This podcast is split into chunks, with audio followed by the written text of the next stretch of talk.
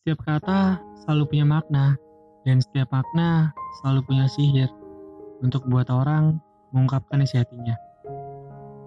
Selamat malam, saat ini kamu lagi dengerin podcast Makna Kata. Dengan gua, Raka Darik, yang akan menemani sisa malam kalian dengan sebuah kata, cerita, dan puisi tentunya. Podcast Makna Kata punya dua seri cerita. Yang pertama puisi, dan yang kedua self-talk. Terserah kalian mau dengar yang mana. Kalau bisa sih, dua-duanya. Oh iya, berhubung makna kata masih sebuah podcast random, jadwal uploadnya pun masih random. Harap maklum ya. Selamat mendengarkan.